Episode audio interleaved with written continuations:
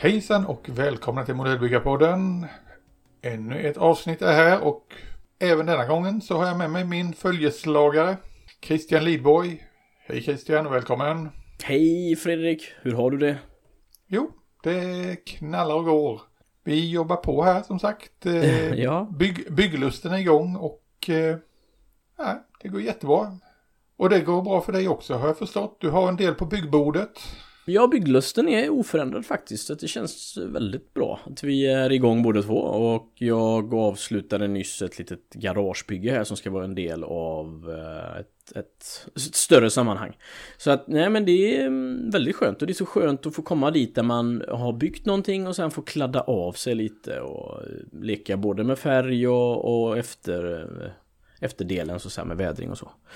Ja, det där garaget, vill du berätta lite om det? För det har du hållit på med ett tag här. Mm, Ja, men jag har gjort det och tanken är, jag, jag gjorde det fritt ur mitt, um, ur min lilla hjärna, jag på säga, och eh, ville gärna ha flera material i, så att jag la till då en del som ska vara en tegeldel med, med puts som har trillat av här och där. Um, så det är en trädel och en betongdel och jag kan lägga ut bild på, på, in, på våran Insta-sida, de som inte har sett det än. Mm.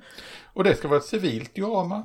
Det ska vara civilt, lite halvromantiskt diorama med, med civila fordon eh, och det kan vara någonstans i Sverige, Europa runt 50-60-tal, kanske någonstans där. Och så får vi se innebörden av det riktigt sådär. Jag har vissa tankar och planer om det, men eh, men det ska vara inget krig, inget elände, det ska bara vara romantik och semantik.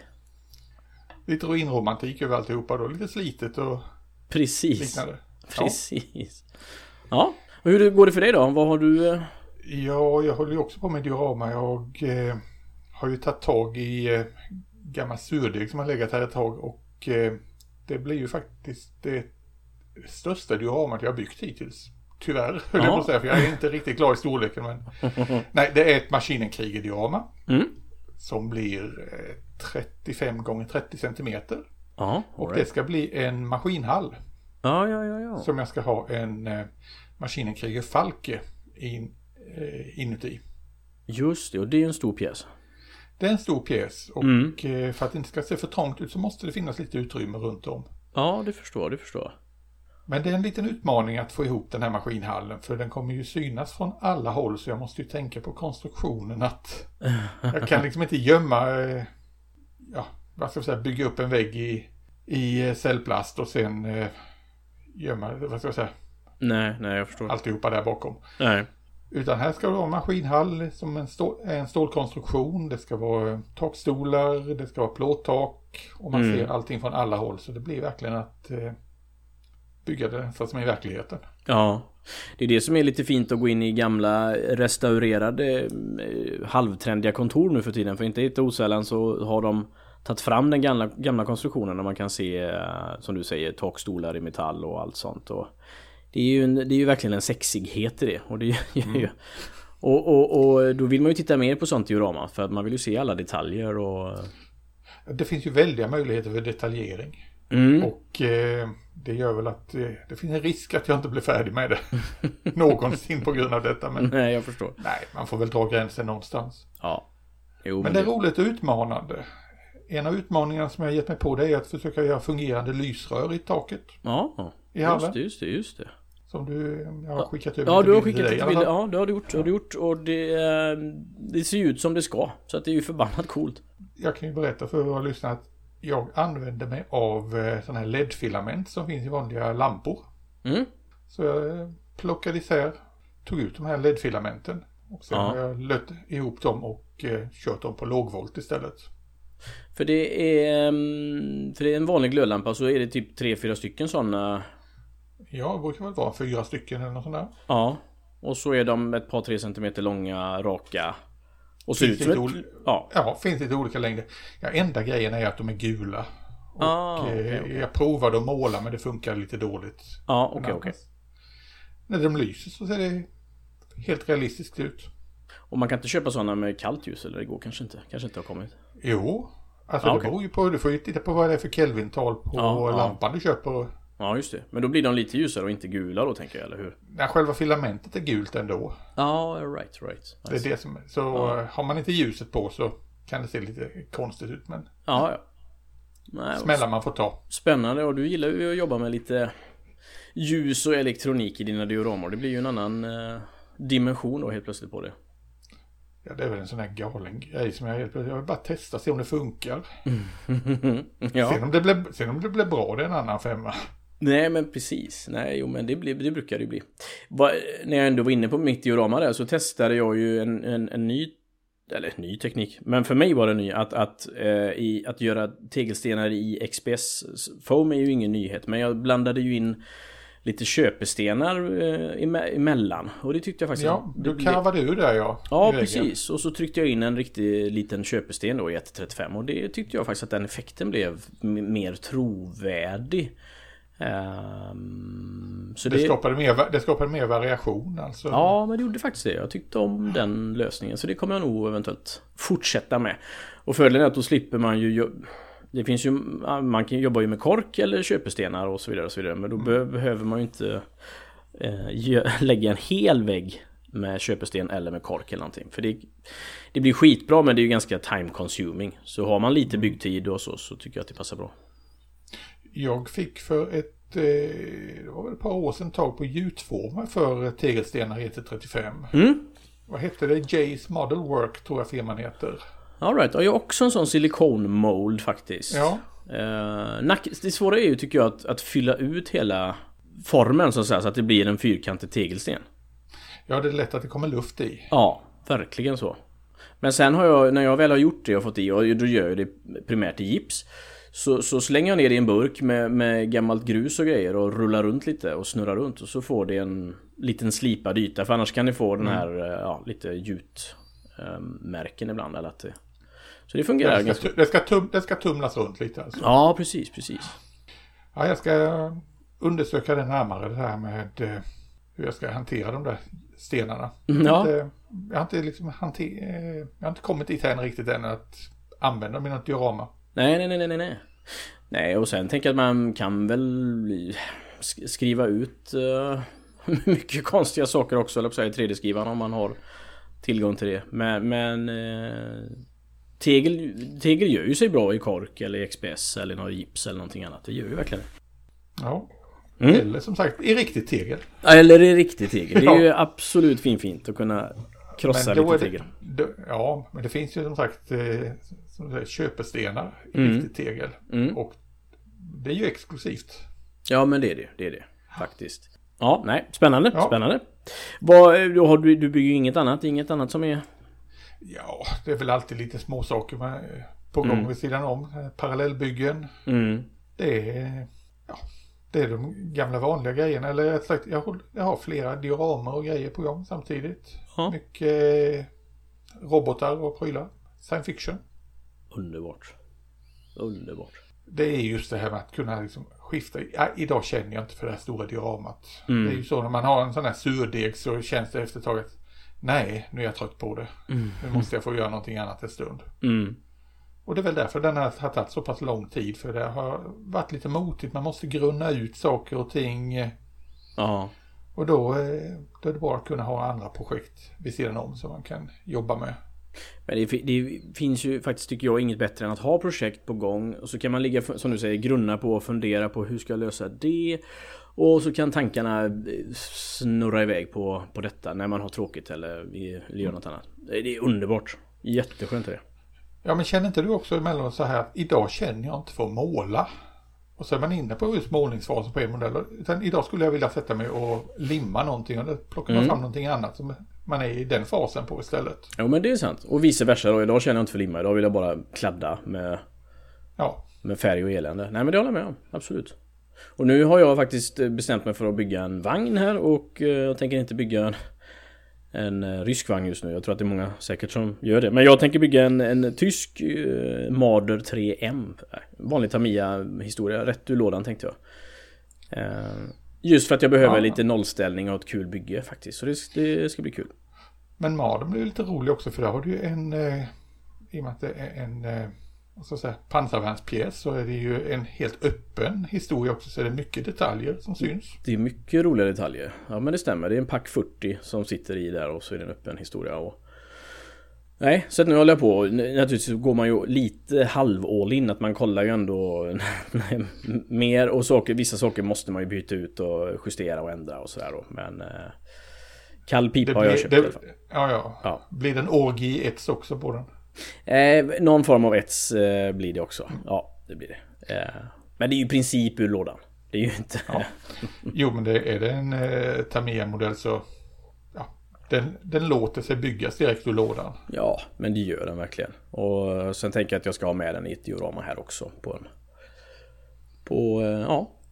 Men mm. ja, det finns mycket att bygga och jag är väldigt glad och tacksam. Och så har jag börjat um, bör, ja, jag fokuserar ju fortfarande på, på båtmodeller också faktiskt. Så att, uh, det är bara hur ja, hur går, ska... hur, går det, hur går det där? Jo, men det trillar allt på. Det är också sån här att jag bygger när, jag, när andan faller på. Jag håller på att scratchbygga ju en liten uh, uh, rysk korvett ju, eller vad säger man, jagare. Ish. Mm. Som ska vara med i ubåtsdioramat som jag håller på att göra. Den torrdockan. Nej, ja, nej, det är... Det finns att göra. Ja. Ja men det är bra. Vi kommer inte vara sysslolösa på länge. Nej, verkligen Nej. inte. Verkligen inte. Det har inte kommit du... något uh, nytt på marknaden eller något annat spännande?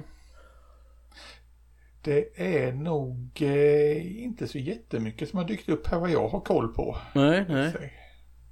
Jag har faktiskt eh, sen vårt förra avsnitt då, vi, då jag gjorde vissa bekännande angående stashen bestämt mig för att nej nu ska jag hålla en lite lägre profil. Mm. så jag försöker eh, undvika att eh, göra för stora inköp nu. Ja. Jo men det är väl, eh, det är väl rimligt. Sen blir det ju ganska lätt ett sånt här 300 köps eh, historia att man beställer lite färg och någon etsdel man beställer. Och sen gör man då kanske 3-4 sådana 300 kronors inköp. Eh, på, på, på ja, en ganska kort tid. Och det är ju där som jag måste lära mig att inte eh, hamna. Mm jag behöver bara det här och det här och det här. Oj då, så var det här en ny grej. Och så var det här en ny grej. Och så vill ja. man kanske motivera fraktkostnaden på något sätt. Så tänker man jag kan slänga med någonting mer och så. Ja, ja det var intressant så det med fraktkostnaden. För där är jag också lite snål faktiskt. ja. Det ändå lägger ner frakten så pengar på frakt, ja då kan jag lika gärna plocka med några prylar till tycker ja. jag. Ja, men precis. Men eh, samtidigt kan man ju säga det att jag tänker att hade jag bara försökt köra iväg en sväng och köpa de här grejerna ner till Halmstad eller liknande. Mm. En del av det, så hade de pengarna gått ganska snabbt på bensin. Ja, det hade de gjort. Och, eh, och vi... Så frakten, frakten är ju billiga på det sättet. Ja, det är den. Och tidssparande. Och det är klart, vi får ju våra grejer oerhört fort i brevlådan. Och du och jag köper ju eh, gärna från andra. Eh, eller vi köper ju mycket online gör vi. Så att, eh, mm. Och det går fort och det... Ja. Det är bra service. Det är bra service. Helt enkelt. Och jag måste ju få mina grejer fort för att annars så har jag nästan glömt av vad de var till eller tappat sugen på det bygget så att jag... Ja. Ja, då ska vi ta och inrätta en specialkanal. Bara för liksom, leveranser till Christian. Exakt, det måste gå fort. Ja. Jag betalar vad det kostar, det bara det går fort. Nej då. Du, eh, idag så har jag eh, en liten, eh, ett litet samtal med en kille som har imponerat på mig väldigt länge. Mm. Som jag eh, uppmärksammade för, ja, det var några år sedan som jag träffades första gången eh, 2019. Ja. På Grevens Glue Galore. Mm. Och det är den fantastiska modellbyggaren Charles King. Yes.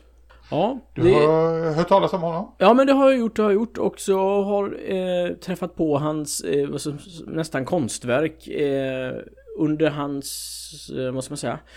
De sista åren faktiskt har jag sett hans konstverk och man blir ju alltid blown away av hans eh, resultat.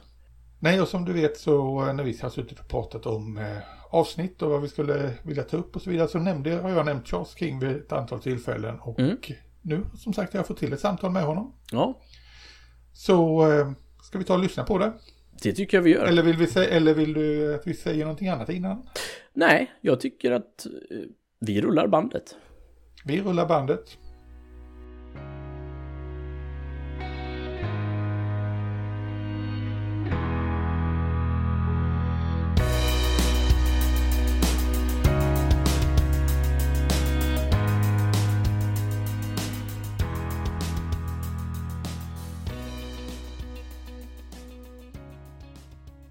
Ja, här sitter jag med Charles King nu. Välkommen till Modellbyggarpodden Charles. Tack Fredrik, det var kul att vara med. Ja. Tack för din fråga. Och eh, för de som inte känner till dig, vem är du och vad är, ja, vad är din bakgrund inom modellbygge? Ja, eh, bakgrund. Ja, ja, men jag säger så här. Jag började som en modellbyggare redan i 2003. Och eh, jag har varit inspirerad av modeller på en modellforum under den tiden. Och eh, forum heter Armorama. Du kanske har hört talas om det? Mm, det känner jag igen. Och, ja, och det var redan då när jag blev inspirerad av de modeller som jag sett på de här forum att jag blev liksom helt liksom eh, inspirerat och hade mycket energi. Jag sa, nu vill jag bygga en sån här modell eller någon liknande. Men um, under den tiden var det alla som var så intresserade av andra världskrig och första världskrig och andra världskrig tema. Och det var ingenting som intresserade mig. Och sen de teman som jag var intresserad av var väldigt modern. Modern eh, militär lastbilar. Ingen stridvagn eller någonting sånt. Jag var mest på det soft skin som de kallas på i modellterm. Mm. Och eh, många av de här som jag var intresserad fanns inte i modell kit 4. Så det enda sätt jag kunde liksom komma fram till de eh, modeller som jag ville ha var antingen scratchbygga eller kitbasha. Helt enkelt. Och då hade du inte, vad ska jag säga, gjort någonting i modellbygge innan 2003? Nej, eller? hade inte gjort någonting alls. Då, allting- det, varit, det varit snabbt marscherat. Ja, det var, ja, det var många som var ganska imponerade när jag sa här, nej men jag är lite envis när det gäller vissa saker. Och eh, när jag väl bestämmer mig för att göra något, då är det bara all in. Och eh, ja, vad kostar det? Det spelar ingen roll. Eh, vilken tid det tar, det spelar ingen roll. Jag bara liksom ut och försöker liksom att lära från andra hur de gjorde vissa saker. Liksom, igen, speciellt när det gäller scratchbygga och kitbash och sånt där. För att jag hade ingen aning hur man kunde komma fram till sånt. Så mycket av det här var liksom, har jag lärt mig, mig själv. Och bara liksom lära från andra. Och bara letar mycket på internet. Och mycket på de här forumet i alla fall. Ska ju säga att eh, din specialitet och det, alltså där jag verkligen har varit imponerad av dig, det är som sagt dina lastbilar, entreprenadfordon och dina sci-fi-modeller. Vi kan vi börja då titta och prata lite om dina lastbilar, entreprenadfordon, för de är väldigt, eh, för det första väldigt detaljerade och sen har du en fantastisk finish på dem när det gäller att få dem att se ut som de är slitna, de är plockade ur verkligheten verkligen. Ja, tack. Så eh, vad, är det som, vad är det som lockar och triggar inom det här området just eh, arbetsfordon? Ja, jag måste först säga att eh, den här med att eh, börja bygga lastbilar, det kom 2010. Den där, för att jag har byggt, innan dess har jag byggt bara 135 skala militärfordon bara.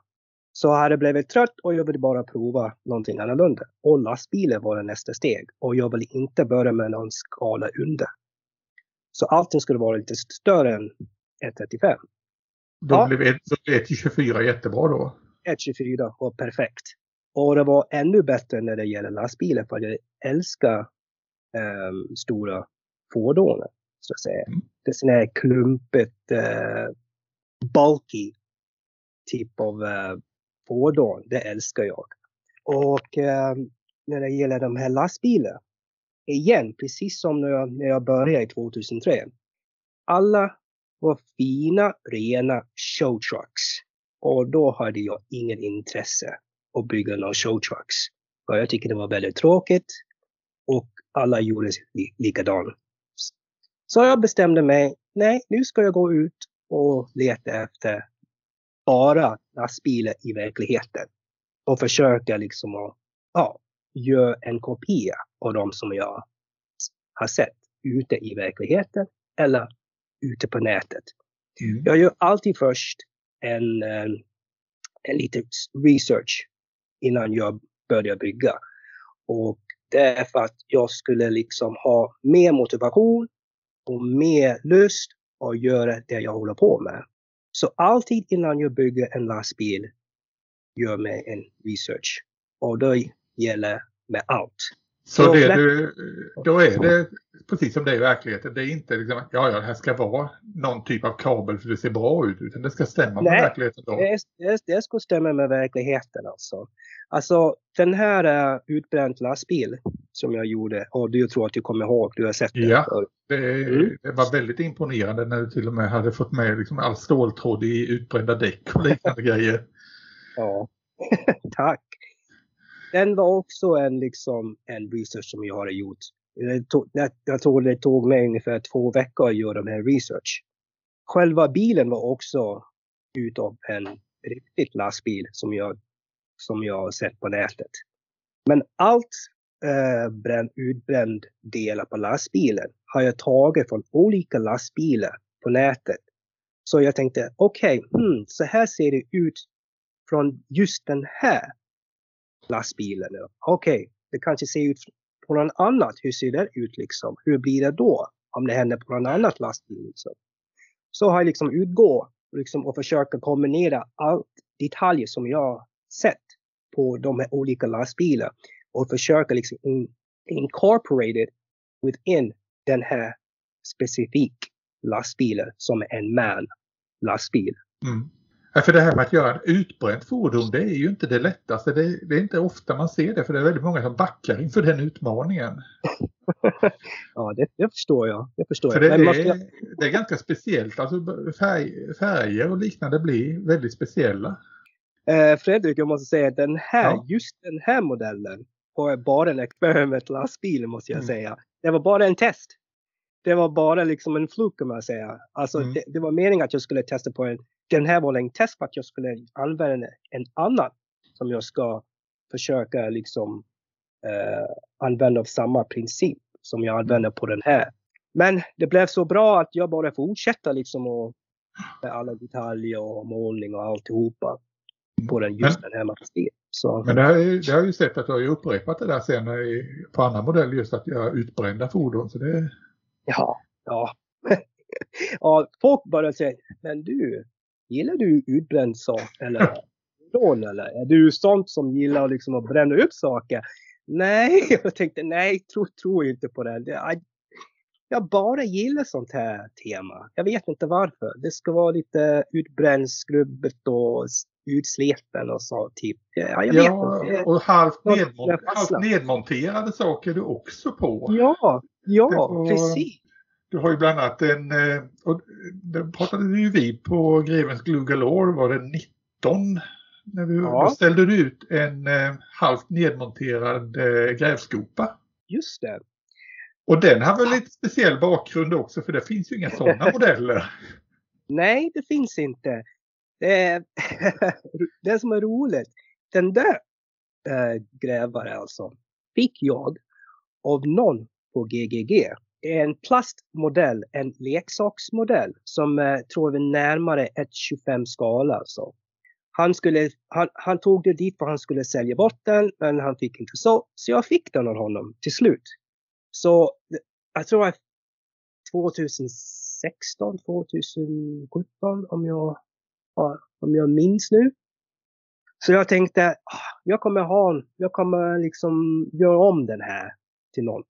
Och det tog mig ungefär ett och ett halvt år för att kunna bestämma hur jag ska göra. Så allting du ser, jag var tvungen att riva bort allt innehållet. Typ den här, det var typ en inbyggd motor i den här Typ som man kan liksom dra det så att det går sig själv liksom. Gör Det var, alltså det var alltså en eh, riktig leksak för barn. Ja, det var det. Ja. Mm. Så jag rev ut allt och sen eh, var tvungen att liksom bygga om allting från, från skopare till eh, alltså boom arm. Hela skiten har jag Mm. liksom revt ut och sen byggt, scratchbyggt alla detaljer som du ser. Ja, Så- det är imponerande. Tack, tack. Jag tänkte, att den, jag tänkte den här killen skulle se hur det såg ut men jag har inte träffat honom så det var, jag tror inte han var där så jag träffade inte honom så han Och, och det, det är, om jag förstår det, inte första gången du ger dig på, eller du har gett dig på mer leksaker efter det. Och, Jo, eh, det aldrig först, första leksaken gjorde var en, en, också en grävare. Men den här var 2011 eller någonting sånt. Mm. Den sålde jag till någon annan. Men eh, det var, om du menar leksak 1,50 skal eller? ja, det var du väl också igång med. Mm. jag har tittat runt lite på nätet på dina grejer. Och, Bak, baklastare. ja, Så- just det. Det hade du Mm. någonting. Den gjorde jag åt en kund, Rickard Algason. Eh, jag träffade honom på någon utställning. Han hade köpt den här, ja, den här 150 skalet. Excellent, beautiful detalj alltså. Kostade ungefär 15-1600 kronor. Så jag har gjort jobb för honom förut. Så när han köpte det på den utställningen, jag fick det direkt samtidigt för vi var på den här utställningen tillsammans. Mm. Och han sa, du, jag vill att du ska ordna den här, vädra den och sätta in någon diagram eller något. Gör vad du vill. Jag ger dig fritt fall. Jaha, okej, no problem. Och tu gillar han resultatet efter det. Han som eh, han köpte det av, som tillverkar sånt här, han var också lite imponerad så han eh, hade satt, satt den på sin eh, hemsida. Tror det i alla fall, som någon hade sagt, jag kommer inte ihåg riktigt. Men det blev väldigt eh, populär i alla fall så jag var jättetacksam och väldigt trevligt att hålla på med måste jag säga.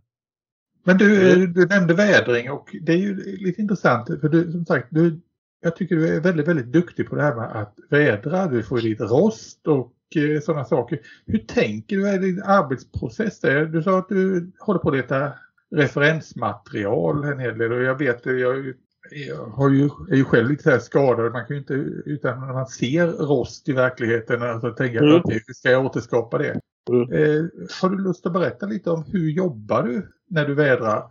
Har du några bra tips att ge våra lyssnare?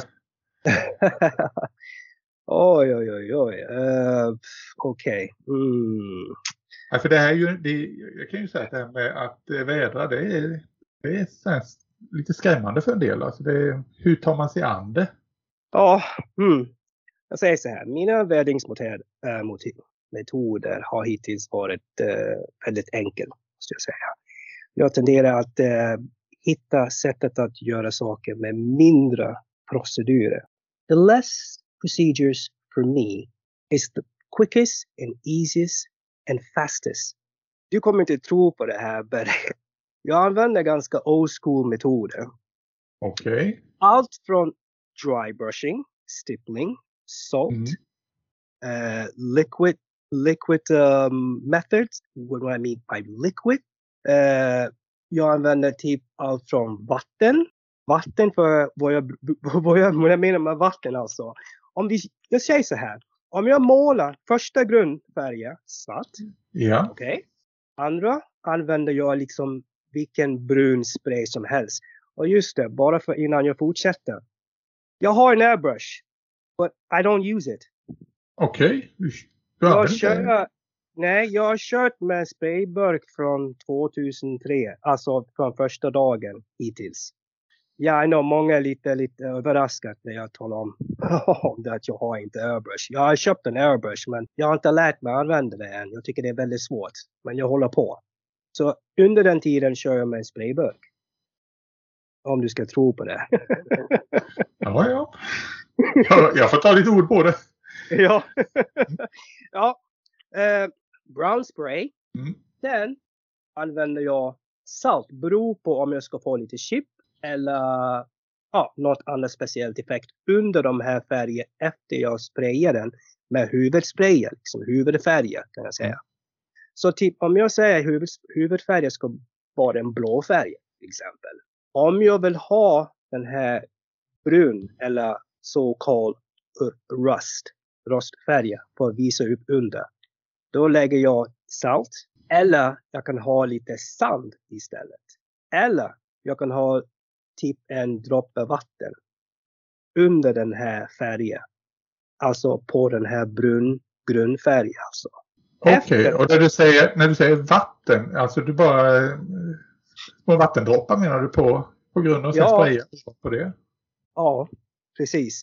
Och du vet att när du sprayar, när du, när du sprayar en färg på vatten, då håller aldrig fast, eller hur? Det blir som det blir ingen grepp eller någonting under. Så, så uh, vad som händer då, att efter det torkar, färgen sitter inte kvar som vanligt. Men när du tar bort den med en borst, då färgar bort den här uh, färgen som ligger på toppen ja, av den här brunfärgen.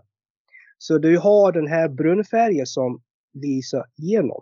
Now, beror på vad du använder, typ sand eller salt. Många använder salt för att mm. det är fast efter vattnet torkar. Och sen lägger på den här huvudet. Ja, det, är, det, är en gammal, det är en gammal klassisk. Det är en gammal klassik. Ingenting konstigt med den. Mm? Det är en metod. En annan metod. Efter jag spray the main color, blå mm. färger. Då tar jag en borst en vanlig pensel, väldigt hård bristles och bara skrapa bort det.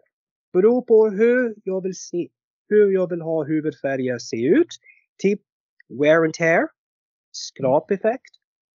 Det, det, alltså, det beror på hur man liksom stryker bort de här färgerna för att få den här effekten för att kunna uh, visa kvar efter du har skrapat bort den här översta färgen. Gör du detta då innan eh, den hinner härda helt och hållet eller? Jo, det gör jag. Just, det ska inte härna helt och hållet. Nej. Jag gör det precis när det är nästan till touch. Okej. Okay. Då skapar jag bort den där huvud, eller the top coat. Bara lite.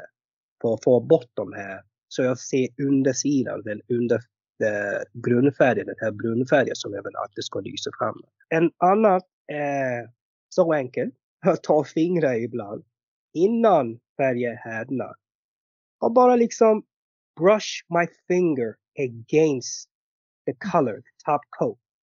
Okay. Så, ja, så länge tills jag får bort den här översta färgen. Du gnuggar, ja, du gnuggar bort den? Precis, gnuggar bort den. Jag vet, det är väldigt uh, old school or old style. But jag har inte så mycket, mycket grejer som jag kan arbeta med. Liksom. Jag har väldigt enkelt sätt och för mig, det funkar jättebra. Jag har inget problem med det. Gärna vill jag liksom, liksom använda allt de här nya med uh, solutions som de har. A.k.a. interactive, uh, uh, vad heter färdiga bortlösningar, bla bla bla. Alltså, så länge den här metoden funkar för mig, då kör jag med den. Ja, varför, varför ändra ett mm. vinnande koncept? Ja, Alltså jag testar allt. Jag, varje gång jag försöker liksom att testa nya metoder. Och eh, jag alltid går tillbaka till den gamla. Jag menar, man kan till och med använda Eraserhead. Ja, ett radergummi. Ja, precis. Att gnugga bort de här färgerna också. Men som sagt, det beror på eh, var någonstans på modellen du ska använda de här. För att eh, på vissa, på vissa ställen är det är ganska känsliga liksom och det är risken att ta bort själva detaljer. Men som sagt, då kan jag använda typ en lösningsmedel för att kunna bara gnugga bort vissa delar av modellen som jag vill få bort den översta färgen. Så det är liksom en, bara en testgrej för mig, liksom trial and error basically. Okay. Ja, uppenbarligen har du ju lyckas med trial and errors. För resultaten är fantastiska som jag har sagt innan. Du, eh, jag tänkte just det, när du sa det här med, eh, nu börjar med lastbilar, med showcase och så vidare. De här lite olika idealen för din, dina lastbilar, de, de, de stack ut eh, när jag såg dem till exempel på, på Grevens. Ja. Just att de var rejält vädrade och ja, det var inte blankpolerat. Hur bygger folk eh, lastbilar generellt? Är det, är det blankt eller är det åt ditt håll? Att det ska vara vädrat och Ja, vad, är, ja, du vad, menar, är ide, vad är idealen? ja, du menar som modellbyggare alltså? Ja. Ja. Eh, jag har inte pratat så mycket med dem. Alltså de som jag, pra- som jag har kontakt med i alla fall. Mm. Eh, eller i alla fall på GGG. Jag tycker de, de alltså det är så här. Du har en, en gen som älskar showtrucks. Okej? Så Mm. oavsett om det är showtrucks eller en civil eh, lastbil. Eh, jag tycker att de flesta gillar att det ska vara nästan ny. Det behöver inte vara välpolerat, men det ska inte vara som mina lastbilar kan man säga. Men grejen är att eh, jag älskar eh, hur lastbilar ser ut i verkligheten. Kanske inte alla, men de flesta. I like a workhorse. Mm. Lastbilar som är en workhorse som ser ut som de har gått igenom en hel livstid av hardship. Det gillar jag. Mm. Och det finns. Det finns många bil, bilder på nätet som visar workhorses. Men den som är så populär är såklart är de som är showtrucks eller vanliga lastbilar som är ute på vägarna. Ja, visst, jag har sett många lastbilar som är jätteskitigt på vinterkörning eller Mm. ja, sommarkörning. Men de tvättar deras lastbil. Eller hur? De tvättar deras lastbilar. Jag har sett många som är ute på eh, eh, till salusidan som är mycket rostiga än vad mina lastbilar ser ut. Mm. Det- är konstigt för att jag var på en utställning, lastbilutställning, de här stora lastbilarna nu. Konstigt att alla tittar på de här fina polerade lastbil. Och det var en eller två lastbilar som var jätteskitigt och de två var jag med på att ta massa bilder på. och de bara skrattade liksom på mig. Men Charles, hallå, hallå, det finns mycket, mycket snyggare lastbilar här borta. Jo, jo, men de är mycket bättre. De är mycket Mm. snyggare tycker jag. Så jag blir lite, Du har hittat din nisch verkligen. ja, jag vet. Ja. men det är kul tycker jag. Ja, Det ska vara lite annorlunda. Ja, för det här som sagt det har ju spridit sig även då som sagt entreprenadfordon och liknande grejer har du också. Och sen att sätta det i en verkstad där du monterar ner det. Ja, Men du, du har en annan sida också. Och Yes. det är ju också där kit-bashingen verkligen kommer igång och det är dina science fiction-fordon vilket ju också är en sån här sak som har fått mig att att baxna. ja, För det, de liknar ju ingenting som man har sett innan. Alltså det, de, Ja. de är ju rätt unika. jo. Ja, de är det faktiskt. Men kan jag fråga, är det något speciellt eh, av de här sci-fi hovercraft som du gillar? Den som Ja, stack det- ut ganska mycket. Det som, jag tycker att det, du gör ju en hel del som baserar sig till att du tar en motorcykelmodell och sen gör du någon Ja. slags hoverbike av det hela. Mm. Ja. Så eh, inspirationen och bakgrunden till det här, kan du berätta lite om det? Eh, som, precis som min andra modell när jag bygger en lastbil. När jag funderar att bygga en lastbil eller en 35 skala militärfordon. Jag alltid går ut och kollar runt lite. Tur, det finns de som ritar mycket på 3D. Typ på Artstation Mm. och på nätet på andra eh, hemsidan också. Det finns många som eh, ritar 3D-ritning av eh, hoverbikes, eh, hoverfordon liksom. Jag går ut mycket på de här sajterna och kollar hur de har liksom ritat det, hur de har liksom eh, fått ihop deras, alltså det här 3D-animation nu. Mm. Det är det första jag, jag, jag gör. Gå ut och titta och se hmm, vilken av de här som passar mig, vilken som är mer inspirerande. Utgå från de här modellen och sen bygga den enligt min specifikationen. Men, men deras eh, form, men deras eh, design. Mm. Såklart kan jag inte göra exakt om man inte ska ha en 3D-maskin. För att de är väldigt, väldigt specifika. Så vad jag gör liksom, jag tar själva designen och sen eh, bara utgår från den och bara plocka ihop. Jag har två stora lådor fullt med Gribblies som de kallas och du vet vad det betyder. Från olika kits. Mm? Det är precis som Star Wars hade, hur de byggde Millennium Falcon och alla kraft som de har i deras ja, Star Wars-filmer. Det är så de gjorde. De köper upp en hel tio stycken låda med, med F1 racebilar och motorcyklar. Det är så de gör. Liksom mm. när de ska bygga ihop Millennium Falcon och andra ja, fartyg. Men i alla fall, det, jag plockar ihop, går in på de här lådorna som jag har samlat massa delar och pysslar ihop en och en på varje eh, eh, eh, område på den här modellen. Och utgå, om det ser bra ut, då limmar jag fast och sen fortsätter precis som en lego-bit liksom. Mm. Nej, den här passar inte. Flyttar runt, flyttar runt på den andra sidan. Hur ser det ut? Ah, ja, jag vet inte. Mm, Okej, okay, fine. Mm. Ibland kan jag låta modellen stå still, kanske ett par timmar och gå tillbaks och liksom och fundera över om det skulle passa eller inte.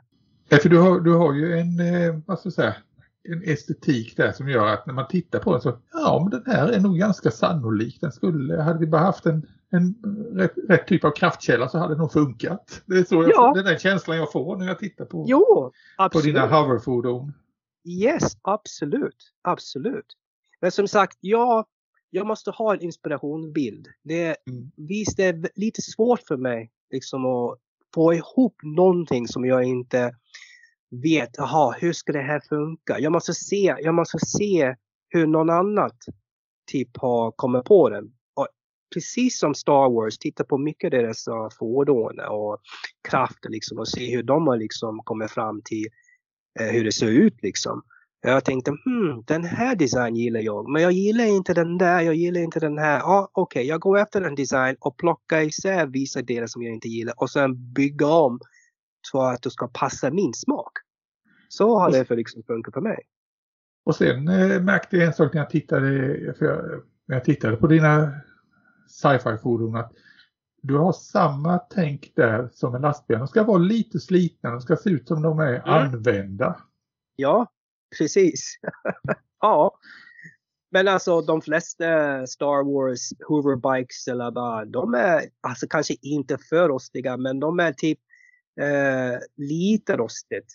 Och du har säkert sett några stycken dem som är, ja, det, jag tror inte det finns någon som är sci-fi Star Wars fordon mm. som är, har någon rost på. Alltså när det gäller hover svävande fordon i alla fall. Ja, det var väl eh, George Lucas idé när han mm. skapade Star Wars att det skulle vara ett använt universum. Att, ja, eh, precis. Det var det som gjorde att det skilde sig från tidigare science fiction. Att mm. det var ett used universe. Ja. ja, jag håller med. Helt perfekt. Det gillar jag. Absolut. Du, sen måste jag faktiskt få gå tillbaka till det här med lastbilar. För en av de senare grejer som eh, jag såg, den eh, rönt ju ganska mycket uppmärksamhet på nätet. Det är en totalt överlastad lastbil. Ja! Med en kille som ska fotografera den. Alltså, ja. Det är fantastisk eh, komposition och så vidare. Och jag förstår att det, det var det foto eller någonting som du utgick ifrån från början. Ja. Absolut, absolut. Alltså, igen, jag var ute på nätet mm. och kollade efter förebilder. Och det var massor av förebilder på de här, måste jag säga. Och grejen är att det används precis likadant som du ser ut och kanske ännu värre. Mm. I Afrika och i eh, Indien, Pakistan, en del av Sydamerika. Mm. Alltså det, det, det, är så här överallt runt om i världen. Och det värsta är att liksom, det, jag fattar inte hur de klarar av. Det finns folk som åker på de här. Jag menar, det kan vara liksom 100-150 folk på lasten. När de Nej, kör trafik, trafiksäkerhet är inte en, en, en big deal där. Ja men hallå, det finns alltså om någon kan liksom åka tåg i mm. Indien. På tåget, då är det ingen gränser. Va? Men du, på den här lastbilen, alltså det här extremt överlastade, eh, all den här lasten. Var hittar du alla detaljerna? Liksom, det var i säckar, det var all, Ja. Små eh, plastdunkar, det var rubbet. Är det aftermarket-grejer eller hur har du fått tag på allt det? Ja, de, Det var min eh, stora fråga. Jo, jo. Eh, mm. De var mest liksom aftermarket. Eh, dunkarna är gjort av en kompis. Eh, han hade en 3D-maskin som han hade Mm. eh, gjort de här dunkarna åt mig. And, eh, jag tror att jag sa, ja, men du, jag vill ha ungefär 25, 30, 40 stycken. Ja, han gjorde det åt mig. Han skickade, skickade det till mig. De andra detaljer som sagt är aftermarket. Vissa hade jag sparat, eh, har jag använt från andra kits och hade jag liksom bara lös i en låda. Jag bara plockade ihop allt som kunde användas på den här bryggen helt enkelt. Alltså till och med en toalett finns det om du hade, om du hade kollat noggrant. Du, jag hoppas att jag snart får se den i verkligheten. För jag Ja, hoppas du tar med den till 08. ja absolut, absolut. Jag väntar på eh, en figur till för att jag skulle ha med i den här liten diorama. Men det är som sagt var lite seg med order alltså med allting omkring, du vet, med covid och bla bla bla. Så Ja. jag var lite seg. Men även om jag inte får den, då tar jag med mig eh, ändå. Jag menar, Det låter Det- fantastiskt. ja. Du, nu har vi pratat en stund och eh, jag tror vi får runda av här. Men jag hoppas att eh, vi kan återkomma till dig i framtiden här i podden. Det har Absolut. varit jätteroligt att prata med dig Charles. Ja, detsamma Så, här. Tack Fredrik. så väldigt mycket för att vi fick ha Tack med dig. själv. Jag, jätte, jag är jätteglad att du frågade mig. Jag var jättetacksam också. Tusen tack för det här. Och för de som är nyfikna, var hittar man dina modeller? Var kan man se dem för någonstans? Facebook, One Step Further. One step further på Facebook. One Step Further på Facebook. Ja, Mm. då vet vi det. Yes. Tack så mycket Charles. Varsågod.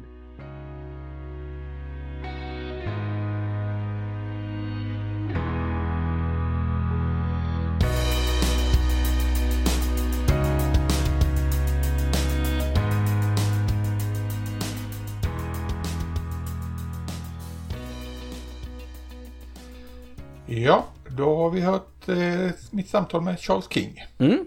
Och vad säger du Christian? Vad dyker upp för tankar i huvudet på dig här nu? Jag är ju ehm, medveten om hans eh, otroliga kunskap och erfarenhet och hans resultat, hur det ser ut. Som, som jag, vi har pratat om tidigare med Charles King. Han har ju ett sätt att bygga som gör att det ser väldigt realistiskt ut. Och, ehm, och höra då att han använder väldigt old school modeller för att få fram de här effekterna är ju oerhört spännande. Mm.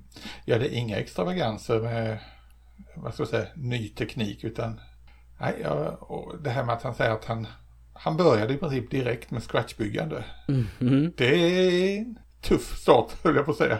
Ja men det är verkligen det och han gör det ypperligt liksom. Och det är klart att nu Han har ju många Han bygger, bygger mycket lastbilar exempelvis och då eh, Gör han också en fantastisk miljö kring den lastbilen och så eh, Klassiska slitage och vädringsvarianter han använder som är old school och inte använder airbrush och så vidare. Han är Då tänker man vad om han får Om han får ännu Bättre verktyg i handen, vad, vad kan han göra då så att säga? Och, eh, och det är inte, det nödvändigtvis betyda att en airbrush gör saker och ting bättre och så vidare men eh, Han har verkligen hittat sin grej och han gör det unikt bra. Så att så är det jätte, jättespännande alltså. Just det här med de enkla teknikerna. Det imponerar mig väldigt mycket. Särskilt det här när han pratar om hur han ja, bara kan lägga på lite vatten på eh, grundfärgen och sen måla ovanpå. Mm. An använda i princip fingrarna för att eh, få fram slitaget. Ja. Ja eh, exakt och han, nu vet jag många lastbilarna är de i 1 till 24 eller? 1 till 24, 1 till 1 till 25 är ju den vanliga skalan. Ja, ja, ja. Så det borde vara ganska stora pjäser också han, han jobbar med. Eh, vilket gör att man får vara ännu mer noggrann med. Annars kan man ju skärskåda ganska snabbt och lätt om det är äkta eller realistiskt eller inte. Men han har ju... Och sen till detta bygger han ju väldigt, väldigt fritt ur, ur sinnet också när det gäller sci-fi maskiner och sådana saker. Det är ju jättekul att se. Och som vi nämnde i eh, samtalet att eh, även där finns slitaget med. Så de känns ju realistiska. Väldigt, Mm. väldigt realistiska. Ja, verkligen. Duktig på att göra eh, research och liknande. Ja. Och det kan vi säga till våra lyssnare att vill ni se mer av eh, Charles Kings modeller så som vi sa i samtalet så har han en Facebook-sida som heter One Step Further. Gå gärna in där och titta och gilla hans grejer. Mm. Han lägger upp både pågående saker och eh, färdiga prylar. Mm. Bra idé, bra idé. Eh, det är inspirerande, minst sagt. Det är det verkligen. Kommer vi se honom på några tävlingar framöver tror du eller? Det hoppas jag. Ja. Eh, 08 Open Mm. lär han väl dyka upp hoppas jag. Ja.